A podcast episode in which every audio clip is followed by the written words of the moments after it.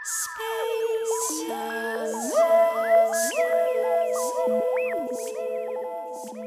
velkommen til eh, Solveigs eh, Space musikk. Du lytter til Radio Rakel FM 99,3, eventuell podkast. Og jeg sitter her i dag med to Space-gjester. Det er Tina Margareta Nilsen og Guro von Germethen. Og velkommen til dere. Tusen takk. ja. Enda et sånt Zoom-opptak, så vi får se hvordan det går. Um, men jeg syns jo det er bare kjempe, kjempegøy at dere begge kunne være med i dag. Um, jeg har tenkt egentlig faktisk på det flere ganger at um, dere, burde, dere burde snakke sammen om ting. Fordi dere jobber med Dere jobber jo begge med musikk og undervisning og, og med litt sånn fra forskjellige vinkler. Um, kanskje Tina, kan du begynne å fortelle litt om hvem du er? Ja. I bunnen så er jeg pianist. Og, og så har jeg i tillegg utvikla en metode som heter Timani som har med hvordan man skal bruke kroppen når man spiller eller synger. Og ja, det er et verktøy som et analyseverktøy. Så hvis noen har noen tekniske problemer eller vil endre klang eller eh, ja, jobbe med kroppen og optimalisere koordinasjon, så er Timani ment som et verktøy i forhold til det. Og du er klassisk, eh, klassisk pianist. Har du spilt mye eldre eller nyere musikk? Jeg er klassisk pianist, ja, så jeg har jo spilt veldig mye eldre musikk, kan du si. Og så har jeg selvfølgelig spilt eh, litt ny musikk også. Noen mm. bestillingsverk og litt sånne ting. Ehm, det, det syns jeg jo er viktig. Mm. Men, eh, men det, det, blir jo mye av det som er gammelt. Eh, men det er jo fantastisk musikk, så det, den mm. fortjener å bli spilt, sånn som jeg ser det. Ja. Og du Guro? Ja, jeg heter Guro von Germenten. Jeg er da sanger i bånn. Eh, også begynte ut som klassisk sanger på Konservatoriet i Stavanger, men eh, hoppa av eh, relativt fort til å skrive egen musikk. Og begynte å spille et lite rødt trekkspill, og har drevet med litt sånn, ja, skal vi si, skitten, mørk, lidenskapelig kabaretmusikk.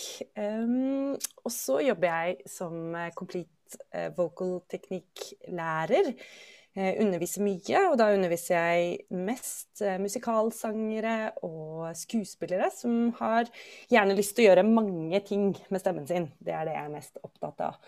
Um, og akkurat nå så sitter jeg på Norges musikkhøgskole, hvor jeg skriver en doktorgrad om stemme og bruk av stemmen i nyskrevet amerikansk musikkteater.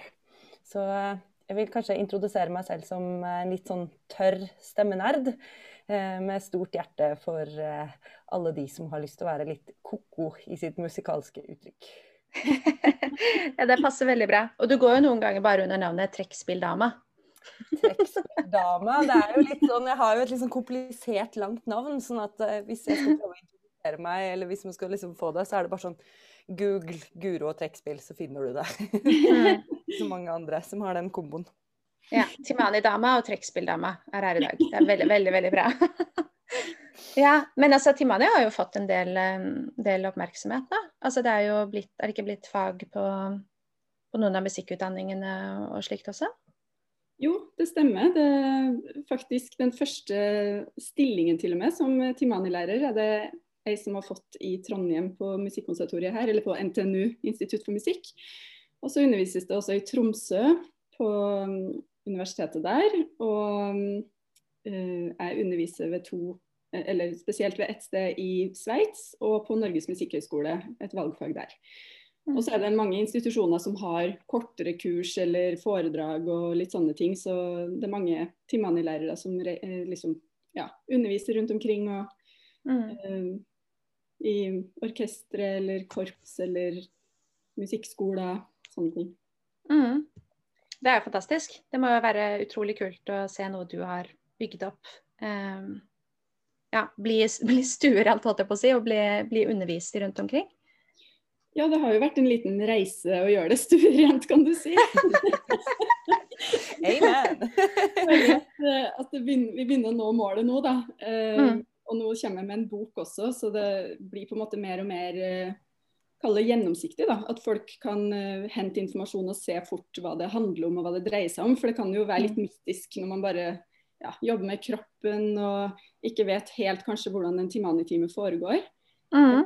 Men hvis man kan få et raskt innblikk i hva det handler om, så tror jeg det blir mer tilgjengelig for enda flere også. Så Vi skal snakke mer om eh, både Timani og CVT, tenkte jeg, eh, litt seinere. Men eh, jeg har lyst til å bare vise litt fram musikk som dere har med, sånn, siden dere begge er utøvende musikere. Og du har jo med deg, Tina, et klassisk stykke av en kvinnelig komponist. Vil du fortelle litt om det? Ja, et stykke av Signe Lund, som var egentlig en av de mest betydelige kvinnelige komponistene i mellomkrigstiden. Men hun ble på en måte sletta fra musikkhistorien fordi hun tok feil side under krigen eh, som jo var en skandale. Og hun var ikke spesielt sympatisk på den måten. Men det var jo flere som gjorde det. Hamsun og David Monrad Johansen og sånne ting som har blitt på en måte Der man tenker at kunsten overlever de personlige skavankene. Um, hun har skrevet veldig mye pianomusikk, veldig fin musikk. Så um, jeg har spilt inn Opus 34, da, fem stykker av hun. Og du har med det som heter impromptu? Ja, det stemmer. Ja, skal vi høre det.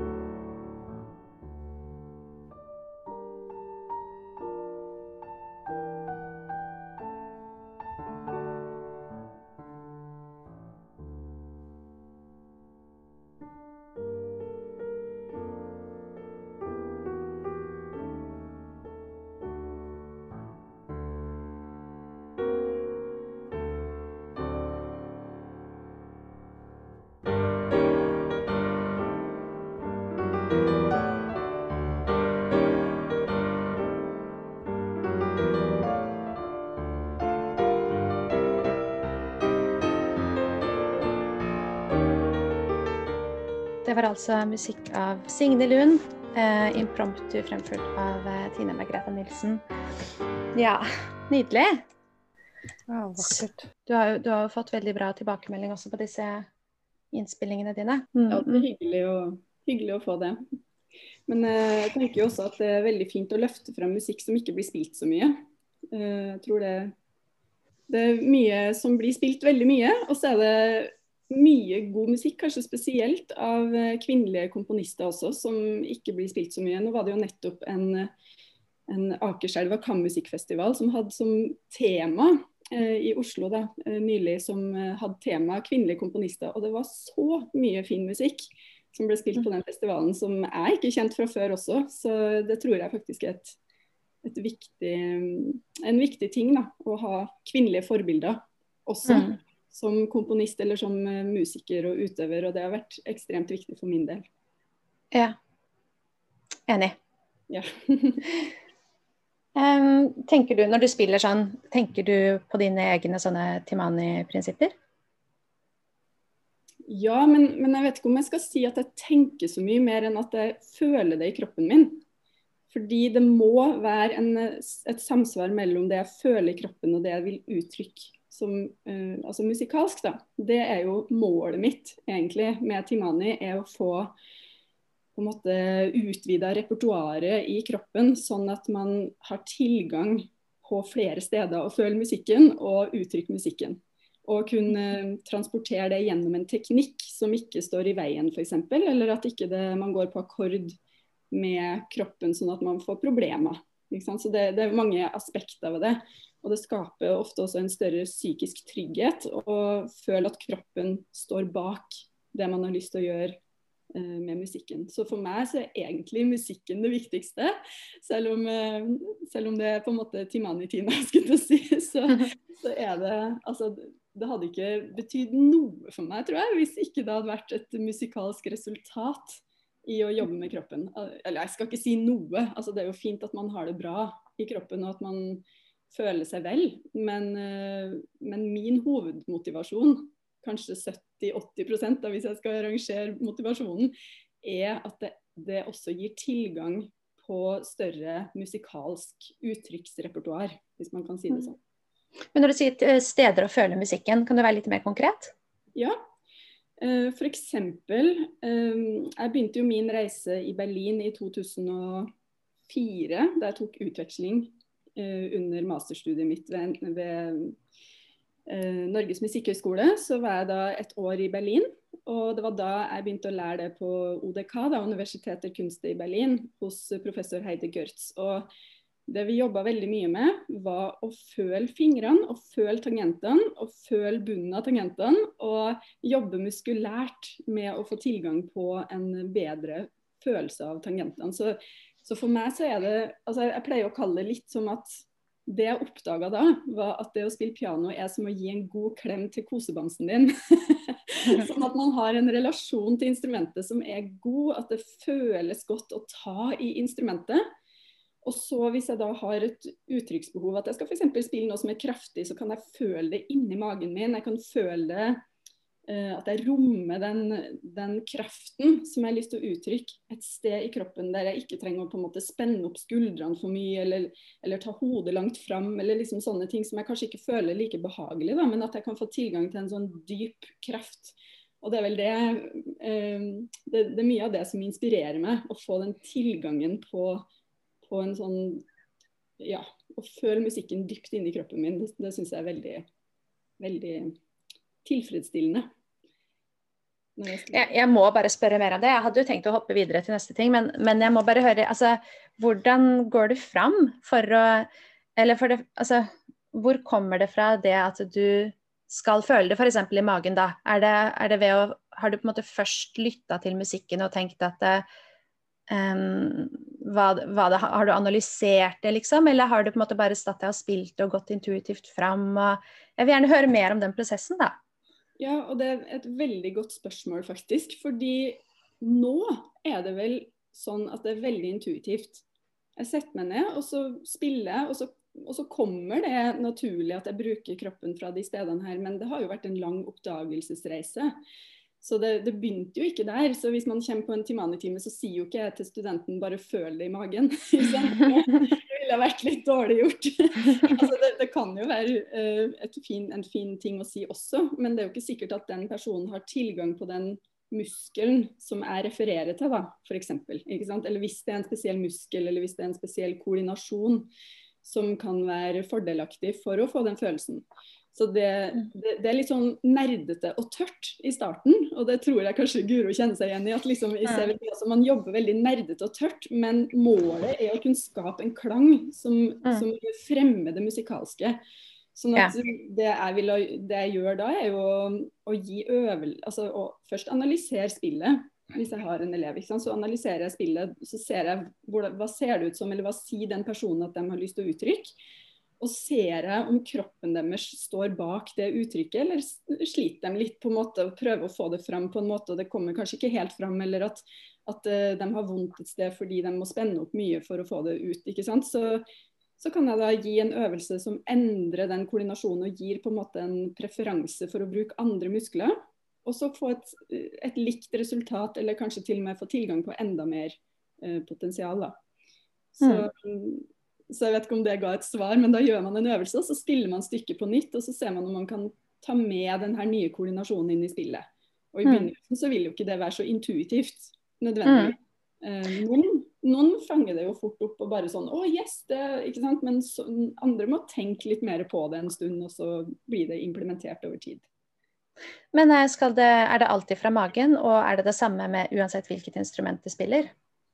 Eh, nei. Eller synger? Ja. Nei. Magen var bare et eksempel, fordi det, jeg liker selv å kjenne det der hvis jeg skal ha kraft i spillet mitt. Men hele kroppen for, altså, for meg så er hele kroppen involvert i å spille. Og det vil jo si at noen deler av kroppen skal kanskje være mer avslappa, noen skal være mer ak aktiv. Uh, men alle deler av kroppen um, kan med fordel stå på en måte bak det uttrykket man ønsker. Og det ser man jo også på de store stjernene, at det er jo ikke noe, det er jo ikke noe avslappende å være solist med et orkester. Det er jo Hele kroppen er jo med, og man står på ett eller to ben, og man går fram og tilbake, og man bøyer seg ned, og man strekker seg opp. og Alt uh, står bak det musikalske uttrykket, og det er veldig spennende å analysere hva de store stjernene gjør. og på en måte prøve å forstå liksom, å ja, ja, men det her er ikke tilfeldig.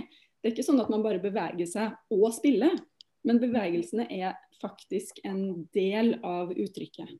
Er ikke bare sånne fakter som skal få det til å se tøft ut.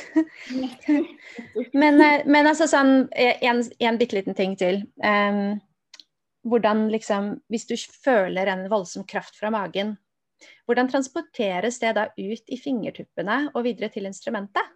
Vet du, Det er et så utrolig godt spørsmål, og for meg så er det fortsatt noe mystisk og magisk med det hele. Men, men det er ikke en uvanlig ting å snakke om. At man skal ha en type core. ikke sant? Du skal ha en stabilitet i kroppen. Eller sangere og blåsere snakker noen gang om støtte og sånne ting. ikke sant?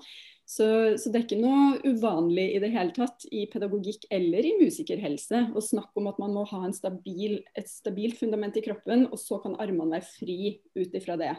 Mm. Men, eh, men, det handler mye om å skape en frihet. Um, mm i armer og, i, og at man ikke overbelaster fingre og sånne ting. Så mm. akkurat hvordan det der skjer, har jeg ikke sett noe forskning på. Og det er jo derfor det er så veldig komplisert. altså det er veldig komplisert å forske på. Mm. Um, jeg har ikke sett at noen har på en måte gjort det. Så det, det er en erfaring i mm. min egen kropp, men også jeg har undervist flere tusen musikere og på en måte sett de samme resultatene om og om og om igjen. Og henta på en måte den teorien jeg bruker da fra, fra steder som, ja, som, er basert i forskning, delvis noen av dem. Men så er det også det praktiske må alltid gå foran forskning. Det tror jeg. Guro som er forsker vet veldig godt også at, så, at ja. man på en måte man forsker på det man har gjort i 20 år. ikke sant? Og så mm. Så støtte og kjerne, så uansett, nesten, altså uansett, hva du spiller eller synger, så er det kanskje noe der som er litt felles. Men vi må snakke mer med, med Guro, fordi jeg ble litt sånn nysgjerrig på hva Eller vi traff hverandre jo faktisk på et sånt uh, Timani-kurs, du og jeg. Og det er jo noen år siden, det er noen år siden da. Men jeg blir nysgjerrig på hva du tenker når du hører disse, disse tingene som Tina sier. Hva er det som på en måte Eller gir det gjenklang? Um, er det noen av disse tingene som kanskje du har arbeidet med um, i ditt arbeid som uh, altså både som sanger og som CVT-lærer? Ser du noen sånne forbindelser? Jeg tenker det samme som jeg tenker hver gang jeg hører Tina snakke, og det er at søren òg, altså. Jeg vil òg være Timani-lærer. eh, og det passer aldri, fordi jeg har tusen andre prosjekter som jeg eh, også eh, dykker ned i. Det resonnerer alltid veldig med meg når jeg hører Tina snakke. Det jeg tenker er at uh, grunntanken til, eh, som Tina snakker om, resonnerer veldig med eh, hvordan jeg også ser på ting, og hvordan jeg føler at eh, f.eks. complete vocal teknikk, som jeg eh, har brukt mest som verktøy, eh, at det er veldig den sånn samme på en måte målsetningen og tankegangen som ligger bak her. Og så tenker jeg jo at det som gjorde at jeg ble nysgjerrig på Timani, var jo kanskje at jeg følte at Complete Vocal-teknikk har liksom zooma inn på liksom voiceboxen. da, ikke sant? Zooma inn på det som ligger bak adamseplet, og går liksom i nerderiet på hvordan vi bygger instrumentet vårt akustisk fra stemmebåndsnivå opp til liksom munnhulen slutter. Altså Det er der man på en måte har lagt fokuset. da. Eh, og så har kanskje ikke vært så mye i nerderiet på eh, resten av kroppen. Det er absolutt med, og, og, det er ikke det at jeg ikke snakker om det, men, men fokuset har kanskje ligget på å avdekke noen myter, eh, prøve å finne ut av hva som egentlig skjer, liksom akkurat der hvor vi produserer lydbølgene. Eh, mens det jeg eh, kjenner at jeg finner i Timani, er jo sammenhengen mellom denne voiceboxen og hele meg, da. Um, og jeg kom jo med et sånn veldig enkelt ønske til Tina um, da jeg kom dit første gangen, at jeg klarer ikke å stå stille. altså jeg føler at når jeg eh, Og det har noe med hvem man er og hva slags musikk man gjør, selvfølgelig også, at, at det er mye kropp og, og, gester og bevegelse og sånne ting. Men at jeg alltid har hatt et sånn ønske om å kunne stå stødig i um, ting, også når jeg gjør uh, gjør utøvende ting spesielt, da, men også når jeg forsker og, og, og underviser. Også det der med liksom ha følelsen av at oi, jeg står liksom på begge beina trygt i min egen kropp. Eh, og det kjente jeg at jeg kanskje ikke finner helt svaret på innenfor CVT.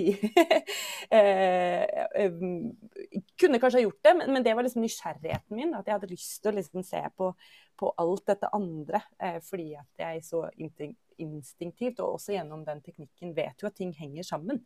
Så selv om de zoomer inn på en liten del, så, så betyr ikke dette at dette er løsrivet fra hva som skjer i tæra, hva som skjer i fingrene, og hva som skjer overalt ellers. da. Så, um, men jeg skulle ønske at jeg hadde eh, finner tid en gang i livet mitt til å bruke enda mer tid på å lære meg det jeg driver og sniker sånn Nå har jeg vært på turné med Oddrun Lilja, eh, som du har hatt som gjest, eh, Solveig, som, mm. som også har gått eh, og utdanna seg av Stina. Og det er sånn sniker til meg sånne små Timani-timer sånn, før vi skal på konsert. Og liksom sånn der, ja, ned på gulvet, og så gjør vi noen transversusøvelser. Og så kan jeg gå på scenen og så kjenner jeg sånn Å, der har jeg det litt. Og så tenker jeg sånn Dette vil jeg gjøre mer av. Og så tar hodet meg alle andre steder. Mm. Men det kommer nok en gang hvor jeg, hvor jeg, kommer til å banke på døra til Tina og si har du plass til meg i en klasse? Ja. Herlig. Eh, skal vi høre Du har jo også med deg en sang, eh, Guro.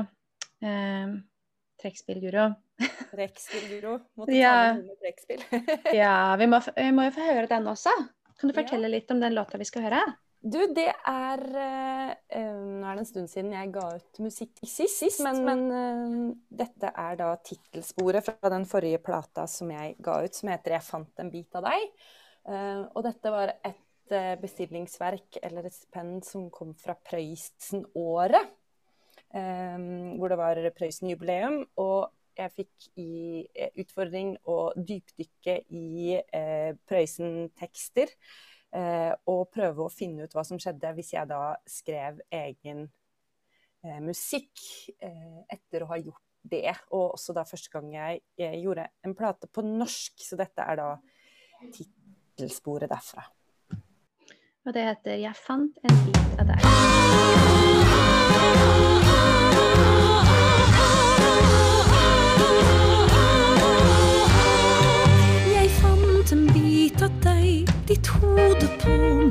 Pute. Jeg fant en bit av deg, ditt hode på min pute. Du snakket med en stemme som kunne trylle tårer. Jeg lå i samme skje som deg i håp om å få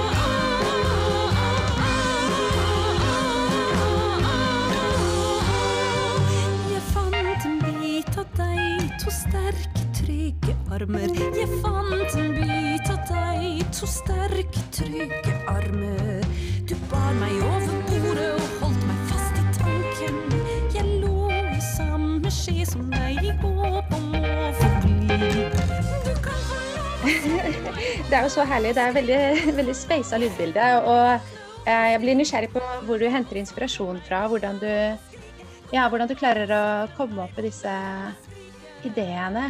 Det er jo utrolig mye som skjer. og Jeg forestiller meg også at det er utrolig gøy å oppleve live. da. Absolutt. Det er jo ikke noe tvil om at dette er livemusikk. Det er alltid veldig rart å høre det på, prate, på plate. Og, og, jeg tror jeg har spilt inn liksom de platene som hva skal man si, Det egner seg ikke å ha spille bakgrunnen på, eh, på kafé, fordi det er liksom veldig, veldig stille. Så bare, «Ah!» veldig, veldig stille. «Ah!» Og så, og så fortsetter det liksom sånn, da. Så, så det, er, det er ikke noe tvil om at dette ikke er eh, det er, liksom, det er ikke, ikke popmastra musikk, da. Selv om eh, Ja, selv om det på plate er tøyla litt inn. Men jeg, jeg tenker at vi er litt sånn derre kollektivtog, den gjengen som jeg spiller med.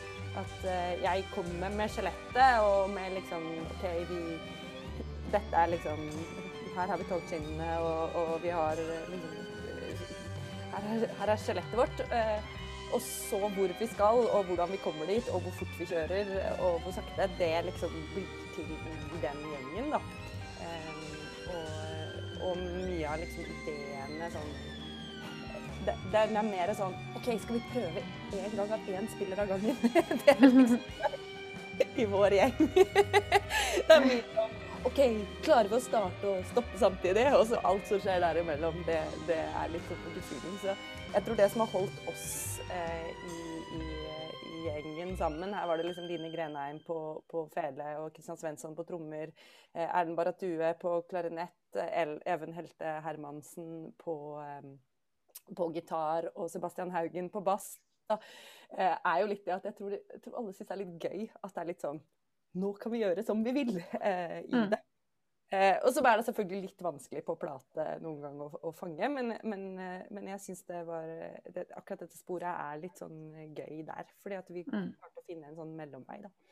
Men eh, det jeg ble inspirert av jeg, jeg, jeg, har tatt med et spor eh, senere som, som, illustrerer det også litt, men jeg, jeg har jo på en måte dette klassiske hjertet som jeg deler med, med Tina veldig. At, at, det var jo veldig store ting som jeg begynte å elske tidlig. Altså det var på en måte Jeg satt hjemme og, og hadde hodetelefoner på som femåring og sang liksom 'Nattens dronning'. Det ja, det liksom... gjorde jeg òg. Jeg hadde ikke hodetelefon, jeg pleide å gjemme meg bak sånn, et sånt skap og sitte der og synge 'Nattens dronning'. Å, så bra. Nei, for jeg hadde liksom LP-plat, og så bare Og så bare Uh, litt plagsomt hver gang mamma og pappa hadde uh, besøk, selvfølgelig. Men, men, uh, men det var, jeg, jeg, jeg, tror at det, på en måte, det storslagne har alltid vært min fascinasjon. Da. Og så begynte jeg, da jeg begynte å synge, så begynte jeg å synge klassisk. sånn at det, um, Da lærte jeg jo på en måte dette med at, at ting kunne ha litt mye omfang.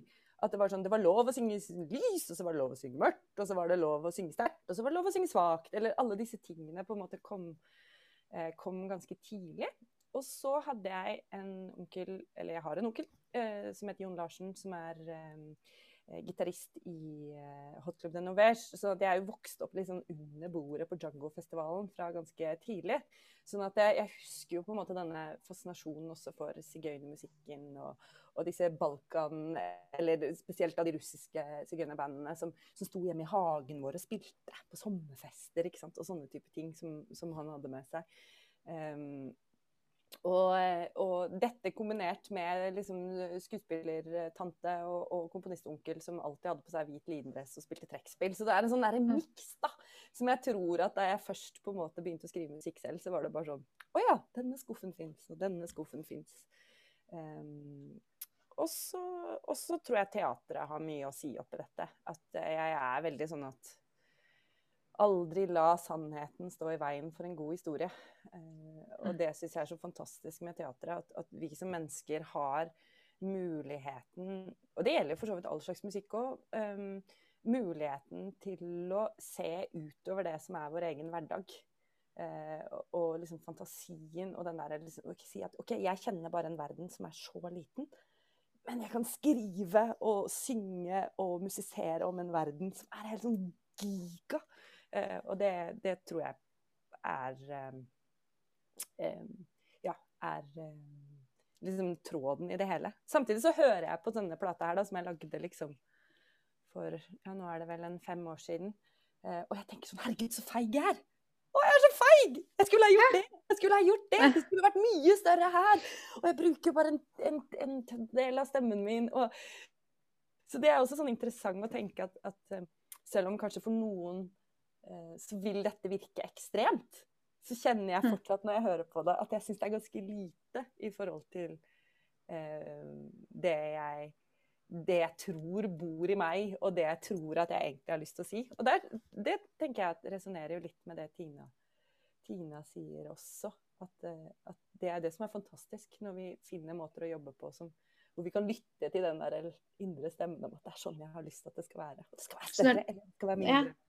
Så når du er ferdig med ph.d. og sånn, så bare skal du bli den, en enda større, enda mer utvidet uh, Guro? Jeg skal bli så gigantisk. Ja, ja, ja. Ja, men stekke ut utover all den fantasien. Det er jo så veldig sant det du sier med at, at fantasiverdenen er jo, er jo, like stor minst som, som, den virkelige verdenen. Og når man legger det sammen, så blir det jo bare eh, helt fantastisk. Og, man, og det, det, at vi kan ha delte Altså at mennesker kan dele disse verdenene, disse historieverdenene, det er jo ganske unikt for oss mennesker, egentlig. Og det er jo bare kjempeviktig. Det er jo en kjempestor del av det å være menneske, er å kunne ha, ha ja, dele fantasiverdener, holdt jeg på å si. Men det som jeg syns er sånn interessant òg, er jo at det er, dette er jo samme mekanisme. Nå sitter jeg og skriver liksom en akademisk doktorgrad. Um, prøver å gjøre den så praktisk som mulig, men det er tross alt liksom en akademisk uh, affære. Um, så likevel så kjenner jeg jo at det er det samme drivet, som Tina sier, at, at, vi forsker jo på det vi har drevet med i 20 år. Eh, mm. liksom forskningen, vi, vi, vi, ser et fenomen, og så tenker vi sånn Men dette, dette, må vi jo skrive om! Dette må vi jo dele! Dette må vi jo eh, her, Disse spørsmålene her, hvorfor blir det sånn? Hvorfor har vi sant, I mitt tilfelle, sånn, hvorfor har Praksisdrevet teori. Ja, mm. Hvorfor har vi sjangere? Hvorfor blir vi enige om at vi skal spille på denne måten? Og hvorfor elsker vi dette? Dette? Og hvorfor, når vi, vi, har muligheten til å gjøre tusen ting, hva er det som gjør at vi velger det vi gjør, da, f.eks.? Så jeg mm. tenker jo at det er mye av den um, selv om det da skal være mye mer sånn jeg, jeg, kan jo ikke begynne å fabulere og fantasere. Så det, kjenner jeg at det er mye av den samme på en måte driven. Da. Det er liksom historiefortellingen og dette med å prøve å sette ord på og, og se mønstre i og tenke abstrakt rundt eh, noe som vi allerede gjør. da. Man må, ha grad, man må jo ha en, en, eh, forestillingsevne, i hvert fall, for en, en mye type forskning. Helt klart. Kunne forestille seg ting. Mm -hmm. Så det er jo litt sånn kreativt, selv om du også må være veldig analytisk. Ja, men det er liksom mm. Jeg ser jo nesten sånn også når jeg skriver låter og sånn, jeg tror jeg nok har litt sånn at jeg tenker på ting litt som å løse en Rubiks kube, liksom. At det fins en eller annen sånn kombinasjon som skal gå opp. Og det trenger ikke å være liksom en fasit, fordi det mønsteret kan du lage om og være forskjellig. Men at det er litt sånn Å ja, så vrir vi litt her, hva skjer da? Og vrir litt her, så skjer vi da. Og så plutselig så It all makes sense, da, på en eller annen måte. Så, mm. så jeg tenker at det er mye av det samme som går igjen. Ja. Jeg, synes, jeg må si jeg syns det var veldig uh, søt setning, den derre 'Jeg lå i samme skje som deg i håp om å få bli der'. Det var veldig fint. Ja. Takk. Det er litt, litt referanse til både Ibsen og litt til Ja, mange, mange ting. Mm. Men det er jo det. Vi, vi åh, Livet er jo en sånn eh, herlig miks av å, å, prøve å passe inn og stand out. Mm. Og, og i liksom ah, det mest kompliserte av dem alle. Eh, disse, når vi først velger å gå inn i kjærlighetsforhold, det, det, der er det mye rart som skjer, altså. Og det tenker jeg at den, den låta her er litt, uh, handler om det. Med en litt sånn iboende sans for det makabre. Uh, som jeg, jeg, tenker Jeg fant en bit av deg, i ditt hode på min pute. Uh, den, den, kan leses på mange eller får mange bilder i hodet av det. Både det veldig vakre og det helt sånn Shit, hva skjedde her? Hvor kom dette mm. blodet fra? Oi. ja. Men du, kan vi få høre det Du nevnte jo at du hadde noe, noe inspirasjon, og at et av de sporene du har med, ja. er, litt, er, litt, inspirasjon. Er det det som eh, Hva heter det? Altså det, frem. altså det, eh, det jeg tenkte litt med der jeg kommer fra, så har jeg med meg det som heter Fish Tank eh, Orchestra. Mm. Extremely large, congenial Romanian. som kombinerer litt av det der eh, eh, klassiske estetikken med eh, gypsy eh, Ja, eh, gypsy-temperament. Eh, Mm. Og som jeg syns er litt sånn morsomt, fordi at jeg valgte jo da jeg begynte å lage musikk selv og, og begynte å ville utforske stemmen min på andre måter enn klassisk, så, så ville jeg jo søke til et mer på en måte uttrykk vokalt sett som matcha dette litt blodige innholdet som jeg eh, skrev om eh, i tekstene mine og sånn. Eh, så jeg vil jo lære meg å bruke stemmen min på en annen måte. Men det jeg syns er fascinerende her, er at hun som synger her, hun har jo beholdt det klassiske estetikken inn i en helt annen type setting. Og det funker så utrolig. Jeg syns det er så vakkert og lekent. Um, og det tenker jeg er jo litt sånn når vi underviser, og som, enten det er Tina som gjør Timani eller jeg som gjør CVT, eh, CVT, så er det jo noe med å på en måte sørge for at eh, det, det, at estetikken på en måte er innafor, men holder seg også utafor det vi driver med. At, at, det er liksom stemmehelse eller eh, musikerhelse som står i, i, i, fokus. Og så kan vi uttrykke oss estetisk på så utrolig mange måter. Og at ikke vi skal nødvendigvis alltid blande de to diskusjonene, selv om de henger helt eh, sammenfletta sammen. Mm. Fish Ensemble.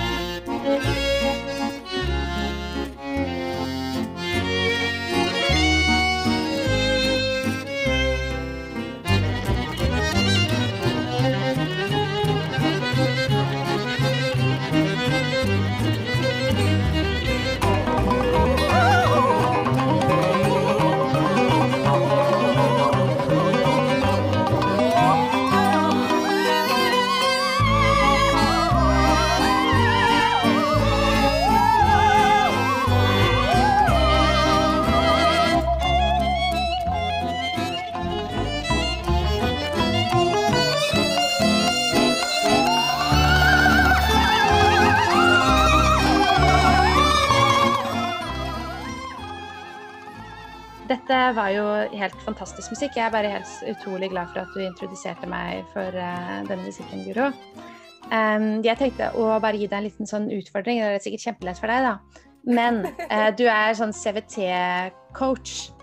Uh, og denne dama her synger jo bare helt vanvittig bra. noe sånn plystreregisteropplegg, eller kanskje du kan bare si sånn hva hun gjør? Hva er det med denne dama og sangteknikken hennes? Eh, nei, altså sånn som jeg ser det, så, så spiller hun jo på liksom klassiske idiomer. Altså hun, hun, hun, leker jo med på en måte eh, det vi forbinder med, med, litt mer klassisk sang, da, hvis man kan, kan kalle det. Eh, og insisterer jo litt på det, selv om som sagt musikken rundt eh, prøver å fortelle en annen historie. Eller, og, jo, og, hva som skjer i møte med disse to verdenene. Eh, og jeg syns jo det er helt magisk når hun går over på toppen der hvor vi ikke vet helt om det er Sagen som, som tar over når det er sag og når det er menneskelig stemme. Og det, det syns jeg jo er så utrolig liksom, sånn Fordi den menneskelige stemme kan jo gjøre så innmari mange ting. Så den kan jo på en måte etterligne andre lyder og blende inn og tilpasse seg hvor du liksom ikke helt vet er Hvor er det mennesket starter, og hvor er det mennesket stopper eh, her, da. men, eh, men, sånn i hovedsak så er hun i det vi ville kalt det i, i CVT nøytral. Eh, altså, hun, det, er ikke, det, er ikke, så veldig sterkt eh, i volum. Det er litt sånn soft i, karakter. Eh, stemmebåndene våre svinger med ikke så veldig lang lukketid i, i, hver, eh, i hver, svingning. Eh, og eh, når hun går på toppen der, det er jo litt vanskelig å si, for vi burde jo hatt et kamera ned i halsen hennes for å, for å si akkurat hva hun gjør. Men jeg tror jo at hvor, når vi kommer helt høyt opp i pitch der, så tror jeg til og med stemmebåndene ikke nødvendigvis eh, svinger på, på hel lengde, men at de på en måte forkorter seg. Enten både svinger litt mer sånn inn og ut i hver svingning, eh, og så kanskje til og med at de de forkorter seg, de stivner av i deler på toppen der.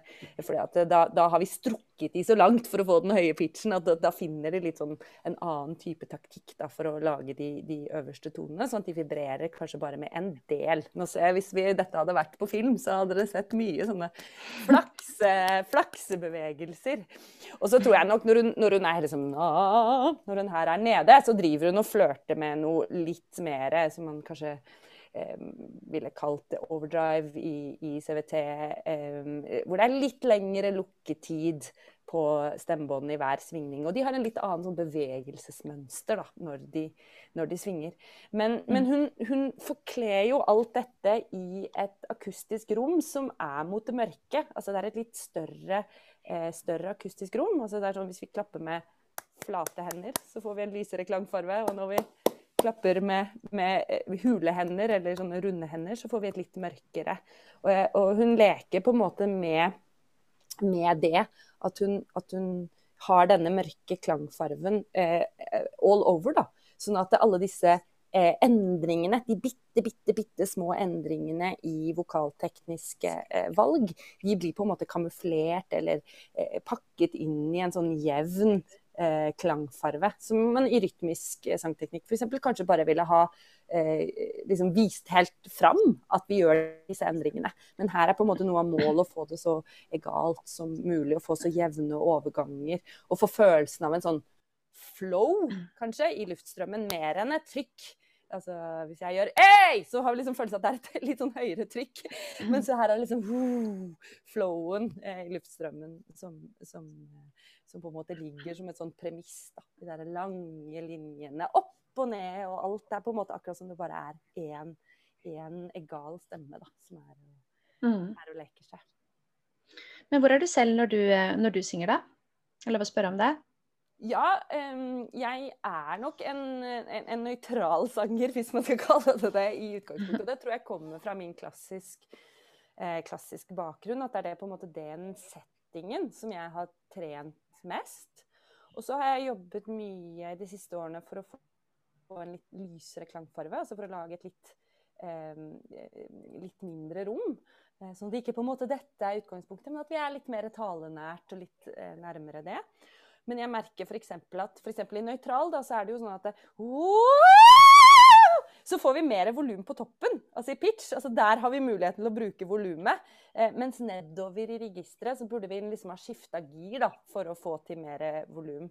Eh, og, og, i min sang så jobber jeg mye med å klare dette liksom, horisontale volumskiftet, fordi at jeg vil ha liksom outburst eh, mer i eh, brystklang eller en, i, i, i, metalliske gir, da, som vi kaller det. Litt mer sånn rett fram. Mens jeg merker at ofte så tryr jeg til det som jeg har med fra det klassiske, at hvis jeg skal gå apeshit bananas, så må jeg gå opp i pitch. så at det er liksom Og så stille her nede. Men, men, at jeg jobber mer for å eh, bruke flere gir da, enn det jeg kanskje var trent i da jeg gjorde det klassiske. Um, mm. Og så syns jeg det er galt å ha sånn, liksom, ja, støy på stemmen og vokaleffekter og, og den anerkjennelsen av at det er ikke om en lyd høres vakker ut eller ikke som gjør at den er sunn eller utsunn. Altså, vi kan gjøre de, de villeste, styggeste, øh, mest skremmende lyder eh, på en sunn måte. På en bærekraftig måte. Men hvis vi bare skal nevne bare helt kort noen andre ja, noen andre konfigurasjoner av, av stemmen, da. Kanskje f.eks. med Ella Fitzgerald, som vi ikke rekker å spille her i dag. Um, hva gjør hun? Ah, nå måtte jeg hørt Nå er det så lenge siden jeg har hørt henne. Men, men at hun er Velg en annen, velg en annen artist, da. Sånn bare Ja, kan, vi så- kan jo se på eller, men, men hun er jo mer på en måte det vi ville kalt metalliske gir, da. Altså, eh, hun er i overdrive og hun gjør edge, men hun gjør jo så mange ting. Altså, hun gjør jo alt, eh, sånn som jeg husker henne fra. Og det er, jo det, det er jo det sangere gjør. Vi på en måte gjør jo forskjellige ting hele tiden. Vi er jo på en måte ikke statisk. Det er jo nesten litt sånn creepy hvis vi velger en akustisk setting på instrumentet vårt, og så bare bærer vi det rundt. Det er nesten litt sånn oi. Eh, at vi nesten oppfatter det som litt sånn umenneskelig. Eller kalkulert, på en eller annen måte. Mm. Hun går jo inn ut at alt om hun skifter volum, om hun skifter pitch, om hun skifter vokal. Eh, og hun leker jo med klangfarver og, og, og mange typer ting. Men, men eh, hun ligger jo, eh, vil jeg si, hovedsakelig eh, i et eh, dypere leie, altså pitchmessig, enn det f.eks. hun sangeren som gjorde nå, gjorde. Og, og der har vi tilgang veldig på flere gir. Der kan vi gjøre det litt mer overdrive, oh, oh, oh, eller vi kan gjøre ah, litt mer mot edge, eller oh, kan, altså, Det er mange ting vi kan gjøre. Der har vi på en måte alt mye mer tilgjengelig. Mens eh, når vi går opp i pitch, så er det noe med at Det er i hvert fall min teori på det, uten at dette er noen sånn offisiell, eh, offisiell CVT-tenkning. Men det er jo noe med at hvis vi tar den høye C-en, så svinger stemmebåndene våre rundt 1000 ganger per sekund. Uh, og da er det jo uh, f.eks. ganske logisk å si at hvis, hvis stemme, altså at det kommer til et punkt hvor, hvor antall ganger per sekund og uh, lengre lukketid ikke går opp. Altså Som vi trenger f.eks. i overdrive eh, og, og, og edge, da, spesielt, som er kanskje noe av det vi kan dra høyere opp. Altså at, at En eller annen gang så, så, så er det begrensa hvor lenge stemmebåndene kan være sammen i hver lukke, eh, i, i hver på en måte eh, eh, syklus av, eller hver svingning. Eh, når de skal klare å, å vibrere 1000 ganger per minutt. Så Mm. der, der bruker vi på en måte mer eh, nøytral da, som det giret. Mens dypere i stemmen vår, så, så har vi tilgang på alt. Eh, og der vil kanskje denne nøytralgiret med den litt eh, eh, kortere sammen i hver svingning på en måte egentlig ikke ha så mye lyd. Så det er, liksom, det er, det er ikke så mye man kan gjøre med nøytral her nede. Fordi det blir veldig stille. Altså det er veldig fint radio. Men eh, det er jo noen som snakker sånn. Eh, absolutt. ja. Funker i mikrofon. Mm. Men, eh, men Tina, da, så er det noen, noen sangere du tenker at ja, her er det noe de gjør med kroppen som stemmer veldig med Altså med din sk- sk- Timani-skole? Ja, eh, det er jo veldig mange som gjør veldig mye bra med kroppen sin. Og jeg tenker at det å være sanger nesten krever at man gjør veldig mye riktig. Fordi at eh, stemmen er så, den er så bitte liten i forhold til det volumet den skal produsere, og den er i kroppen. Så man kan liksom ikke fikse sånn som klarinetten, liksom. Nå kan du bytte flis og fikse instrumentet hvis det ikke funker, men stemmen er jo en del av kroppen. Så det jeg tror det krever mer riktig teknikk, og jeg tror det er derfor sangere også er mer opptatt av kroppen generelt. Uh, og det var jo noen ting Jeg har jo hatt sang biinstrument selv, da. ikke at jeg har uh, gjort noe særlig ut av det, men jeg har liksom sunget en del på videregående og på konservatoriet. Og, og var på en måte vant til at i den sammenhengen så snakka man om pust og støtte og kropp og, og sånne ting. Men som pianist så var det aldri snakk egentlig om verken hvordan jeg satt eller hvilke muskler jeg skulle bruke i kroppen min. Det var på en måte bare fingrene som gjaldt, da. Eller å, å ha tyngde i armene og sånne ting. Men uh, ja, så det er, jo, det er jo mange fantastiske sangere. Altså jeg, jeg kan jo ikke annet enn å bare F.eks. Pavarotti, da. Mm. som uh, som uh, har en helt uh, fantastisk musikalitet, ikke minst. Og, og um, ja, mange Altså det jeg syns med mange av de, den der eldre skolen også, at det kommer så utrolig innifra. Altså det bare toucher deg på i beinet. Altså det helt inn i liksom i kjernen. Uh, og, det, og, det, er det jo mange nå også som har den kvaliteten. Uh, jeg var f.eks. på konsert med Lise Davidsen nettopp, og det er jo helt enormt hva en stemme kan gjøre. Altså, jeg hadde jo helt frysninger i skjelettet mitt, liksom. Så, så, så, det er mange sangere, uh, og fantastiske sangere i Norge også. Vi har jo en i alle sjangere. Jeg vet ikke, Det blomstrer, syns jeg, i Sang-Norge. Eh, Så Mm. det, ja, jeg har ikke sånn, så mange sånn konkrete eksempler, fordi det, det Mm. ville vært liksom å bare liste opp omtrent alle som, eh, som holder på. Jeg syns det, det er veldig mange som gjør veldig mye riktig. Eller riktig, altså som har kroppen bak stemmen, da. Mm. For det handler ikke om riktig og feil, det handler om, å, om at det skal føles bra, og at man har tilgang på kroppen sin i forhold til det man har lyst til å formidle. Men det er en psykisk del der også som jeg vet at du, du jobber litt med. Altså sånn bare for å få den tilgangen til eh, til å, til å få følelsene ut i stemmen. For å få kroppen med seg. Ja, jeg jobber faktisk ikke så veldig mye direkte med det psykiske um, sånn, men det går jo ikke an å skille kropp fra syke heller.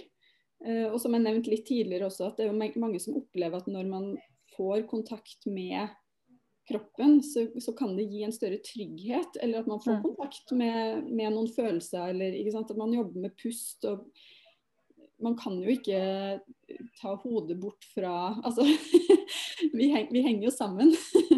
og, og hvordan vi puster, hvordan vi bruker muskulaturen, påvirker det hormonelle, som påvirker det emosjonelle osv. Så, videre. så for min del så har det hatt en stor eh, effekt i forhold til å bli tryggere. Eh, det å jobbe med kroppen og føle at jeg sitter mer stødig, at jeg har tilgang på musklene mine i hånda, i fingrene mine at jeg vet hva jeg driver med, ikke, ikke minst. Um, at, jeg har, at jeg vet hvordan jeg skal øve. For det er jo, Man kan jo nesten si at Timani er et øvefag, mer enn noe annet. Liksom, hva skal jeg øve på? Hva er jeg ute etter? Hva skal jeg gjøre med kroppen min for å få det ønska resultatet? I stedet for sånn som jeg pleide å øve før, før jeg begynte å få litt mer oversikt over kroppen, som var på en måte å ha en idé i hodet, og så prøve å formidle den, men ikke vite helt hvordan jeg kunne gjøre det uten å skru på alle følelsene mine. Da. Apropos følelser. liksom at uh, Jeg gikk jo hos bl.a. Jiri Linka, som var en veldig sånn emosjonell lærer. Altså, han, det var helt fantastisk. Altså, han fikk deg virkelig til å spille innifra. Men når man kom på øvingsrommet og skulle gi alt i seks timer, det går jo ikke. ikke sant? Man må jo faktisk ha et teknisk apparat som kan skape den klangen og det uttrykket man vil, uten at man må liksom skru på hele følelsesapparatet. I hvert fall så syns jeg det er litt lettende da, å kunne, kunne faktisk bare øve, um, og så heller føle meg litt liksom, sterkere og bedre. Og litt som at jeg har hatt en sånn uh, Ja, det skal føles godt etter å ha øvd. Det, det, er, sånn jeg, måte, det er mine krav til min egen øving nå, da. Men det med å skru på følelses, hele følelsesapparatet det, Jeg tenker sånn, Guro, du som jobber mye med sånn eh, musikalartister, og du forsker jo også på dette her. Eh, skru på hele følelsesapparatet på hver øvelse og hver kveld eh, hvis man spiller et show eh, 100 ganger. Hvordan funker det? Nei, jeg, jeg, tror det, Tine, det er mye sånn som Tina sier, at, at eh, det er veldig flott å ha vært der. Og, og ofte sånn emosjonelt på en måte har prøvd ut hva, hva betyr dette for meg emosjonelt, det jeg jobber med akkurat nå. Det går jo sånn jungelhistorie om at de som satte opp Next to Normal, det var vel på Nationaltheatret, de grein liksom i tre uker altså når de begynte med det materialet. Fordi det var, det var så sterkt, da. Og så var det sånn OK, nå har vi gjort det, nå kan vi begynne å jobbe. Altså at, at man, man, man, har forstått hva dette betyr, og hva dette innebærer emosjonelt. Og så må det være noe annet. Eh, det må være teknikk, som, som, både Tina og jeg er opptatt av. Og så må det være på en måte handling. Det må på en måte være den OK, hva, hva vil jeg? Hva gjør jeg? Og jeg snakker i jeg-form, altså, ikke engang denne karakteren, men det er faktisk du som person i det øyeblikket. Eh, hva gjør jeg akkurat nå? Hva er det jeg sier? Hva er det jeg vil oppnå? Hvem er det jeg snakker til? Altså, det er mye sånne Det er mye mer situasjon da, eh, og handling enn det er eh, kanskje liksom det der med å være i en følelsesmessig tilstand, da. Eh, fordi at det er, det er veldig lite å, altså, trist, Hvis du er trist og har definert deg som trist, f.eks., så, så, så på en måte er det, er det litt sånn konstant. Men hvis det er sånn jeg prøver å overbevise noen om at jeg egentlig har det bra, eller jeg prøver å skjule at jeg er trist, eller, altså, så har du så mye mer det er så mye aktivitet. Da. Det er liksom aktive verb i det. Eh, og, og det, det, tror jeg på en måte skaper de følelsene som dette materialet eventuelt trenger. Da. Både hos de som utøver det, men også hos de som ser på. Mm. Eh, men, men, men, her er det jo så mange strategier Men, men, jeg tror at på en eller annen måte så, så ja, hva skal man si? Eh, det henger sammen, og så er det delt. Og så må man finne liksom, overlevelsesstrategier. For hvis du, du, spiller helt sånne dype, tragiske ting hver eneste dag, eh, så, så eh, det må, på, det må, være på, alvor og det må være på ekte. Og så likevel så må du ha teknikk, og du må ha strategier og du må ha handlinger. Eh, som, som, ikke på en måte devaluerer eh, eller skaper avstand fra det du gjør, men snarere tvert imot. At det, det skaper aktivitet. Da. For ofte så blir vi jo så overrumpla av disse hele store følelsesapparatene våre at vi ikke klarer å gjøre noen ting. Og det er veldig dumt å ikke klare å gjøre noen ting når man skal utøve noe. Og jeg er enig med Jeg har stjålet den fra deg, Tina, men at jeg, jeg sier at alt, liksom, når, vi, når, vi, gjør en tre timer opera eller en musikal eller spiller en, en klaverkonsert, vi, er, vi er nærmere å løpe maraton enn vi er eh, å drive med yogapust hjemme på gulvet. så hvis vi på en måte Vi, vi, vi kan ikke bli liksom paralysert, da. Vi, vi, må være i in action. Og det mm. krever både teknikk og muskelkraft og, og, og handling, da. Mm. Vi har, eh, vi, har, litt lite tid nå, men um, tror dere at Timani og CVT er det noe som Vil det funke for alle? Nei, altså absolutt ikke. Altså, jeg snakker for meg selv nå eh, i forhold til Timani. Men det funker for dem som har lyst til å utforske det, skulle jeg si, altså, og som får noe ut av det. Mm. Eh, jeg syns ikke det er et mål at noen ting skal funke for alle, og det tror jeg er veldig viktig også. At, eh, at alle finner det som funker for seg. Og det er jo mm. reisen med å bli musiker, reisen med å være kunstner, er å få impulser og så å finne ut hva som eh, er viktig for seg selv, og gå videre på det eventuelt. Eller å utforske og være nysgjerrig på andre ting. Så, mm. så, det er jo ikke obligatorisk for alle å synes det skal være så kult å nerde på kropp, liksom. Noen syns det, noen det er bedre å, å, jobbe intuitivt, eller kanskje jobbe med kropp separat, og så føle at eh, gjennom yoga eller trening eller noe sånt, og, så, og kanskje kjenne at det har en effekt. Uh, så det tror jeg på ingen måte mm. Nødvendig timene i hvert fall. Ja. Amen to that. Samme på CVT. Absolutt. Ja. Og du bruker litt eh, sosiologisk eh, forskning. Jeg vet ikke om du kan si bare to ord om, om hvorfor du gjør det i din, eh, ditt arbeid nå? Ja. Det er fordi at jeg er interessert i hva som skjer mellom oss når vi på en måte velger å stabilisere f.eks. det vi definerer som sjangere.